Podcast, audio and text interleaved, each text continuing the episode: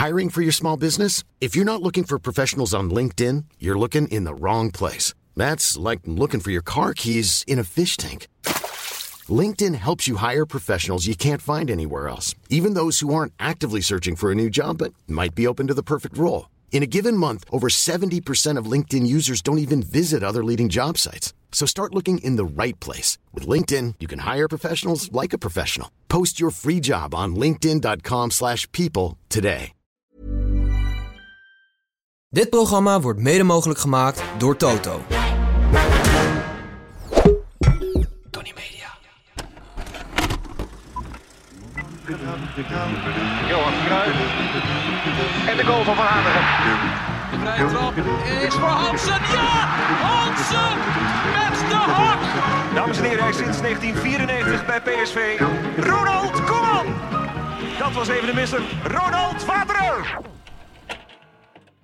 Hallo allemaal en welkom bij weer een nieuwe aflevering van het Eredivisie Erfgoed Elftal. De podcast waarin wij nog steeds het allervetste Eredivisie Elftal ooit aan het scouten zijn.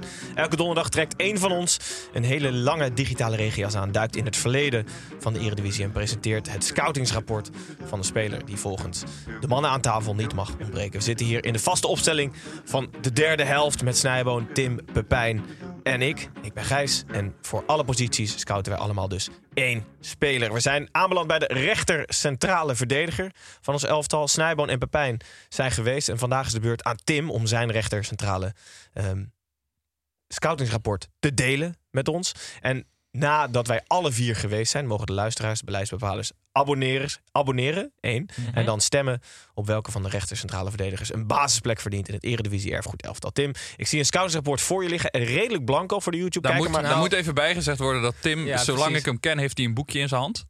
Ja. Waar ik hem ook tegenkom. En dat boekje is hij nu vergeten. Dus ik, ik kwam vanochtend binnen en toen zag ik de paniek in zijn ogen. Ja, Maar Nee, nu ik zag voel- ik net op zijn telefoonscherm een foto van het boek. Dus ik denk dat je je vriendin hebt gevraagd om foto's van je boekje te nemen. ja, ja, ja. Dus die heb ik nu doorgestuurd gekregen. En het is al moeilijk genoeg om te lezen als ik het fysiek heb. Laat staan zo. Maar het, het volgens mij... eh, Een andere speler. ik zie in ieder geval wel de titel, eh, kan ik in ieder geval goed lezen. Dat is eh, eh, Mythisch Prijzenmonster. Spelerspaspoort. Leuk. Ajax. Sporting Lissabon. Real Zaragoza. AC Milan. Ajax. Rijkaard. Een rijkaartje. Zeker weten. Franklin Edmundo Rijkaard. Oh, dat is lekker alleen zeg. daarom al. Dan mijn, wat zijn de midden? nee, mijn, mijn scoutingrapport bestaat heel duidelijk uit twee hoofdstukken. Twee soort van hoofdstukjes, namelijk de speler en de trainer. En er is zo ongelooflijk veel schitterends over deze man eh, te vinden. Ehm, allereerst gaan we het even hebben over de speler. Zijn we na de keepers en de backs trouwens gestopt met, van, met de middelmaat. En jullie komen keer met Koebal en Rijkaard op de proppen. Nou, ik heb, En Frans Paaiman. Ja, Frans Paaiman. Ehm, we hebben er eigenlijk geen tweede centrale verdediger nodig als we Franklin Edmundo eh, nemen. Want hij was namelijk, tegenwoordig heb je, als je bij centrale verdedigers, heb je eigenlijk twee types. Je hebt de voetballende centrale verdediger en je hebt eigenlijk de fysiek sterke centrale verdediger. En hij is alles in één. Dus hij was altijd de sterkste van het veld, maar ook de elegantste van het veld. Hij is 1,91, speelde ook heel vaak op middenveld, net als Ronald Koeman. Het is Maar eigenlijk een beetje een combinatie tussen Koeman en Frans Paimans. precies. Ja. Ja. Zo werd hij ook altijd omschreven volgens mij. Maar ik heb Frank Rijkaard, moeten we zeggen, zelf nooit echt vanaf bewust nu gewoon meegemaakt. Edmundo... Frank- nee, Franklin. Ed- nee, ja, Franklin of Edmundo. Edmundo Rijkaard vanaf nu. Maar dit is gewoon... het- Hij werd ook de non-verbale leider genoemd. Hij had een ongelofelijke uitstraling. Hij kon verschrikkelijk goed voetballen en was heel erg sterk. En hij zag er ook gewoon heerlijk uit. Dus dat wil ik eigenlijk zeggen over het profiel van de speler. Maar ik heb nog een aantal dingen die ik over zijn spelerscarrière met jullie moet delen. Eh, allereerst, ehm, hij groeide op in Amsterdam-West, in de Baarsjes. En hij speelde daar op een pleintje, eh, de, het Balboa-plein, samen met iemand anders, namelijk Ruud Gullit. Ja. Op een pleintje in Amsterdam, daar zijn ze begonnen samen voordat ze naar buitenvelden Oh, gingen. je zal er maar tegen gespeeld Je zou er, ja, oh, dat is toch geniaal. Ehm, bij Ajax is hij uiteindelijk eh, doorgebroken. Hij scoorde uiteraard bij zijn debuut. Is uiteindelijk met een beetje een soort van ja, oneenigheid, want het was een best wel eigenzinnige man. Is hij weggegaan naar Sporting. Nou, daar is hij toen verhuurd aan Real Zaragoza, omdat hij eh, bij Sporting niet meer ingeschreven mocht worden. Ehm, toen heeft hij ehm, een geweldig EK gespeeld. 88. Ja, en namelijk de enige hoofdprijs in Nederland waar hij een eh, zalige rol in heeft gespeeld. Toen is hij daarna naar AC Milan gegaan. En daar was hij onderdeel van de drie van Milaan. Ja. En daar hoor je natuurlijk altijd mythische verhalen over van Basten Gullit Rijkaard. En ehm, ja, ik kan jullie niet beter laten zien hoe geniaal de drie waren door de lijst van de Ballon d'Or 1988. Op 1 Marco van Basten, op 2 Ruud Gullit, op 3 Franklin Edmundo Rijkaard. Het hele Ballon d'Or podium met Nederlanders. Die bij AC Jezus. Milan gespeeld. Ja. Ongelooflijk, toch? Ja, dat ja, is toch ja. echt geniaal. Ja.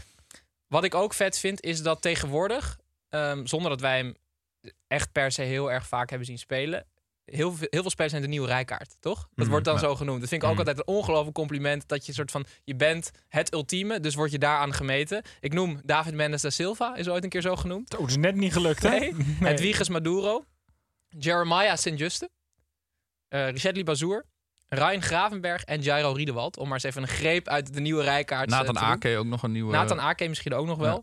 Ehm, maar wat ik misschien wel het mooiste aan zijn spelerscarrière vind, is eh, de terugkeer. De terugkeer bij Ajax, eh, als je terugkeert bij je club, is natuurlijk vaak... Ja, of het is eh, John Heitinga die geen knieën meer heeft. Ja. eh, maar het is eigenlijk zelden zo perfect geweest als, als de terugkeer van Rijkaard. Want hij kwam in het Ajax van Van Gaal. En ehm, zowel Louis van Gaal als Danny Blind hebben gezegd... er is één reden waarom we toen de Champions League hebben gewonnen van AC Milan. En dat was Frank Rijkaard. Want hij zei eigenlijk bijna nooit wat. En in de rust, ehm, toen het, eh, volgens mij stond het gelijk tegen AC Milan. Het ging in ieder geval 0-0 niet heel goed. Nam hij in één keer het woord, terwijl hij dat nooit deed. En ehm, hij, toen heeft hij iedereen een soort van helemaal op scherp gezet. Toen hebben ze de tweede helft alsof ze met nieuw elan, nieuwe energie dat veld op kwamen. Plus hij gaf de assist op Kluivert. Eh, dus Rijkaard heeft, en daar heeft hij daarna ook zijn kicks aan de wil gegangen. Dus over stoppen op je hoogtepunt gesproken. Gewoon terugkeren bij Ajax, Champions League winnen en daarna gewoon stoppen. Ehm, even kijken of ik over de speler Rijkaard nog iets anders wil zeggen. Nou, we kunnen eventjes in zijn prijzenkast loeren als speler. Daar heb jij de sleutels van gekregen, Ja. of niet? Ja? Ik heb daar namelijk gevonden zeven landstitels. Oh. Ik heb daar gevonden drie Champions Leagues, drie Europese Supercups, drie nationale bekers, drie nationale Supercups, twee keer wereldbeker voor clubteams, één EK-titel. En dat was het. Frans Parmans had de beker gehaald. Finale gehaald met eh NEC. Maar die En terugkeer... hij heeft ooit drie maanden in Leipzig gewoond. En vergeet dat niet, Pep. En daarna begint zijn eh, trainerscarrière. Nou ja, en ik denk dat hij de raarste trainersloopbaan ooit heeft. Want hij begon Ja. zonder enige ervaring. Hij was heel kort even assistent bondscoach, maar als bondscoach. Daar, begon, daar begint hij zijn trainerscarrière mee. Bij het EK 2000, eh, toen, ehm, toen hij bijna echt... Hij had de finale moeten halen. Ze hadden met een doelsaldo van plus 10 geweldig die groepsfase doorgekomen. En toen die penalties tegen Italië, nou, jullie herinneren het je waarschijnlijk wel, het trauma. Toen heeft hij daarna ook meteen gezegd, ik stop bij Nederland. maar hij had dus bijna de finale gehaald, wat Nederland na 88 volgens mij in het EK nooit gelukt is. Dus dat was heel bijzonder. Toen ging hij van bondscoach naar Sparta. Daar degraderen, voor het eerst in de clubgeschiedenis. Toen van Sparta degraderen naar Barcelona. naar FC Barcelona, waar hij gewoon eh, Champions Leagues wint en eh, kampioen wordt met Ronaldinho en Messi. Messi laat debuteren. Messi laat debuteren. Ja. En Messi en Ronaldinho allebei hebben gezegd... Rijkaard is de beste trainer die ik ooit heb gehad. Nou, dat vind ik ook wel aardig. Eh, hij is een van de vijf ehm, personen op de wereld... die zowel als trainer en als speler de Champions League hebben gewonnen. Zouden jullie er een paar kunnen noemen? Eh, Ancelotti. Juist. Leuk. Eh, als speler en als trainer. Conte? Nee, Kruif. ah, ja. Zidane? Trapattoni. Zidane ook, toch? Oh, dan is, die, dan is de Wikipedia niet geüpdate. Maar Miguel Munoz en dan misschien dan Zidane.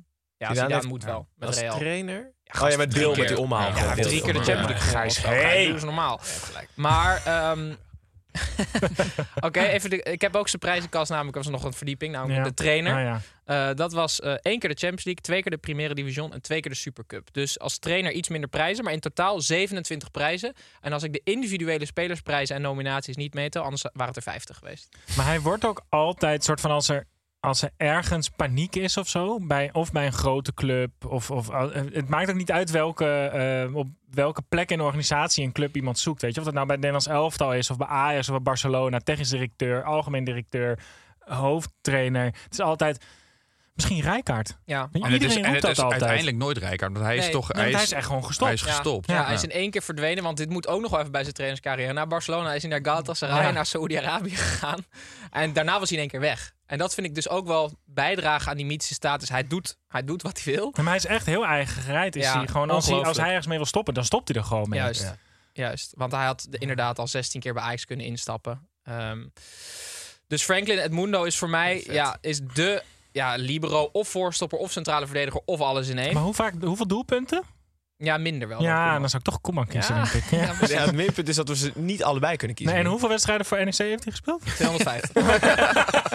Ehm Eén minpunt. Eh, het spuugincident met eh, Rudy Vuller. Ja, of misschien pluspunt. Eh, hij is natuurlijk wel ongrijpbaar. Dus er gaat best wel veel in hem om zonder dat je het doorhebt. Dat kan gevaarlijk zijn en in één keer leiden tot kortsluiting.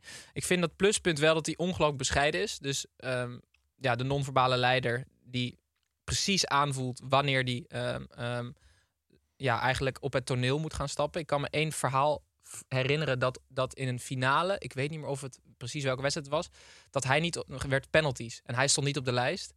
Eh, en hij zag dat een medespeler die wel op de lijst stond ongelooflijk zenuwachtig was. En hij zei, volgens mij moet jij hem niet nemen. Ik neem hem wel. En toen scoorde hij. Zo zalig leider zeg. Oh, wat heerlijk. En eh, ja, zijn rol in het elftal is de prijzenpakker. Dus als we prijzen nodig hebben, dan moet je Franklin hebben. Vet. Ja, kutzooi. Ja. Ik vind wel een beetje Chris vind ik het. Maar Nou, hij leeft nog. Ehm, dankjewel, Tim. ja, Vet. erg leuk. Franklin Edmundo. Ja, Schitterende naam, wist ik sowieso niet. nee. Drie van de vier gehad. Wordt helemaal zo chauvinistisch van, hè? Zo'n, Ja. Ja. Van dit soort... eh, Ik heb daar geen last van, Pepijn. Volgende week zal ik het Het kwartet... doet me altijd balen dat, ik niet gewoon, dat we niet allemaal één generatie eerder zijn geboren of zo. Dat je, dat je deze gasten niet... Zeg maar dat je dit wij- niet echt hebt hebben meegemaakt. Robbe, Robbe Snijder. Dat is wel Ja. net even iets... Ja, maar die maak je dan ook, die maak je ook mee, hè? Maar Het is niet ja, dat je maar- overlijdt Ja. Ja, maar Nee, als dat je was- generaties eerder, dan ga je net naar... Je de drie van Milaan hebt gezien, word je Ja, nagefuseerd. maar dit is, ja, maar dit is zeg maar, het podium van Ballon d'Or. Gewoon drie Nederlanders Ja. van dezelfde club. Dat is, Ja. dat is waanzin. Ja, dat is waanzin. Dat is niet eens leuk. Nee. Serieus niet, toch? Nee, Dat is een beetje als wat we met schaatsen en roeien hebben. Dat is dus niet leuk. Nee, dat is helemaal niet leuk. Met Formule 1 rijden, maar dan één. Oké jongens, Tim, dankjewel. Drie van de vier, compleet. Volgende Ja. week is het mijn beurt om eh, de nummer vier. Waar, en de wat laatste, kunnen we verwachten? Ga je even sneak. ja. Ehm, een tipje van de sluier voor Tim en, eh, Tim en Snijboon. Zoals ik me gisteren voelde. ja. Tipje van de sluier. Juist, een Ja. Het is dus iemand, het is dus iemand, ja, het is dus iemand die overleden is. Oké. Volgende week ik. Met Patrick Met Pothuis. Patrick Pothuizen. en dan, nou, dan kan je nu alvast stemmen op Patrick Pothuizen. En dan, ehm, nou, dan mogen jullie als kijkers en luisteraars hopelijk weer begroeten. En inmiddels met extra abonnees. Dank jullie wel. Tot volgende week.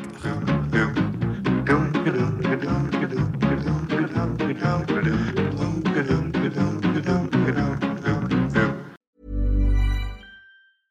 Mom deserves the best, and there's no better place to shop for Mother's Day than Whole Foods Market. They're your destination for unbeatable savings, from premium gifts to show-stopping flowers and irresistible desserts. Start by saving 33% with Prime on all body care and candles. Then get a 15-stem bunch of tulips for just $9.99 each with Prime. Round out Mom's menu with festive rosé, irresistible berry chantilly cake, and more special treats. Come celebrate Mother's Day at Whole Foods Market.